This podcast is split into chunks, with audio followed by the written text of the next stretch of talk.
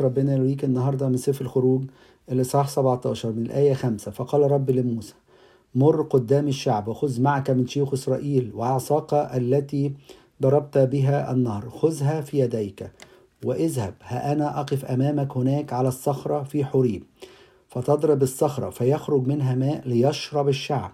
ففعل موسى هكذا أمام عيون شيوخ إسرائيل ودعا اسم الموضع مسة ومريبة من أجل مخاصمة بني إسرائيل ومن أجل تجربتهم للرب قائلين أفي وسطنا الرب أم لا؟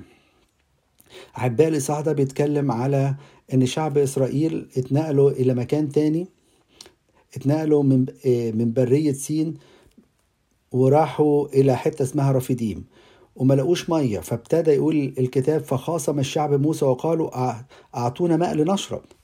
فنلاقي موسى قال لهم لماذا تخاصمونني؟ لماذا تجربون الرب؟ ونلاقي الشعب يقول عطش هناك الشعب الماء. ويقول بردك تاني وتذمر الشعب على موسى. ويبتدي الشعب يتذمر مفيش مية ليه؟ بالرغم ان ربنا قدر إن هو يشبعهم بالمياه ويشبعهم بالأكل والشرب لكن للأسف هي دي مشكلة الإنسان بينسى أعمال ربنا اللي عملها معاه. وبعد كده يقول لموسى طب تعالى بقى بص الصخرة دي اضرب الصخرة هيطلع منها ماء والصخرة هي المسيح. وعن طريق الصليب خرج ماء ودم من السيد المسيح. والمية دي هي اللي بتشبعنا مياه الروح القدس اللي بتشبعنا إحنا النهارده.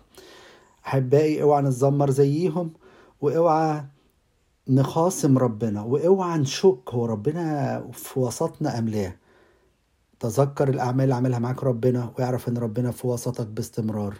آمين.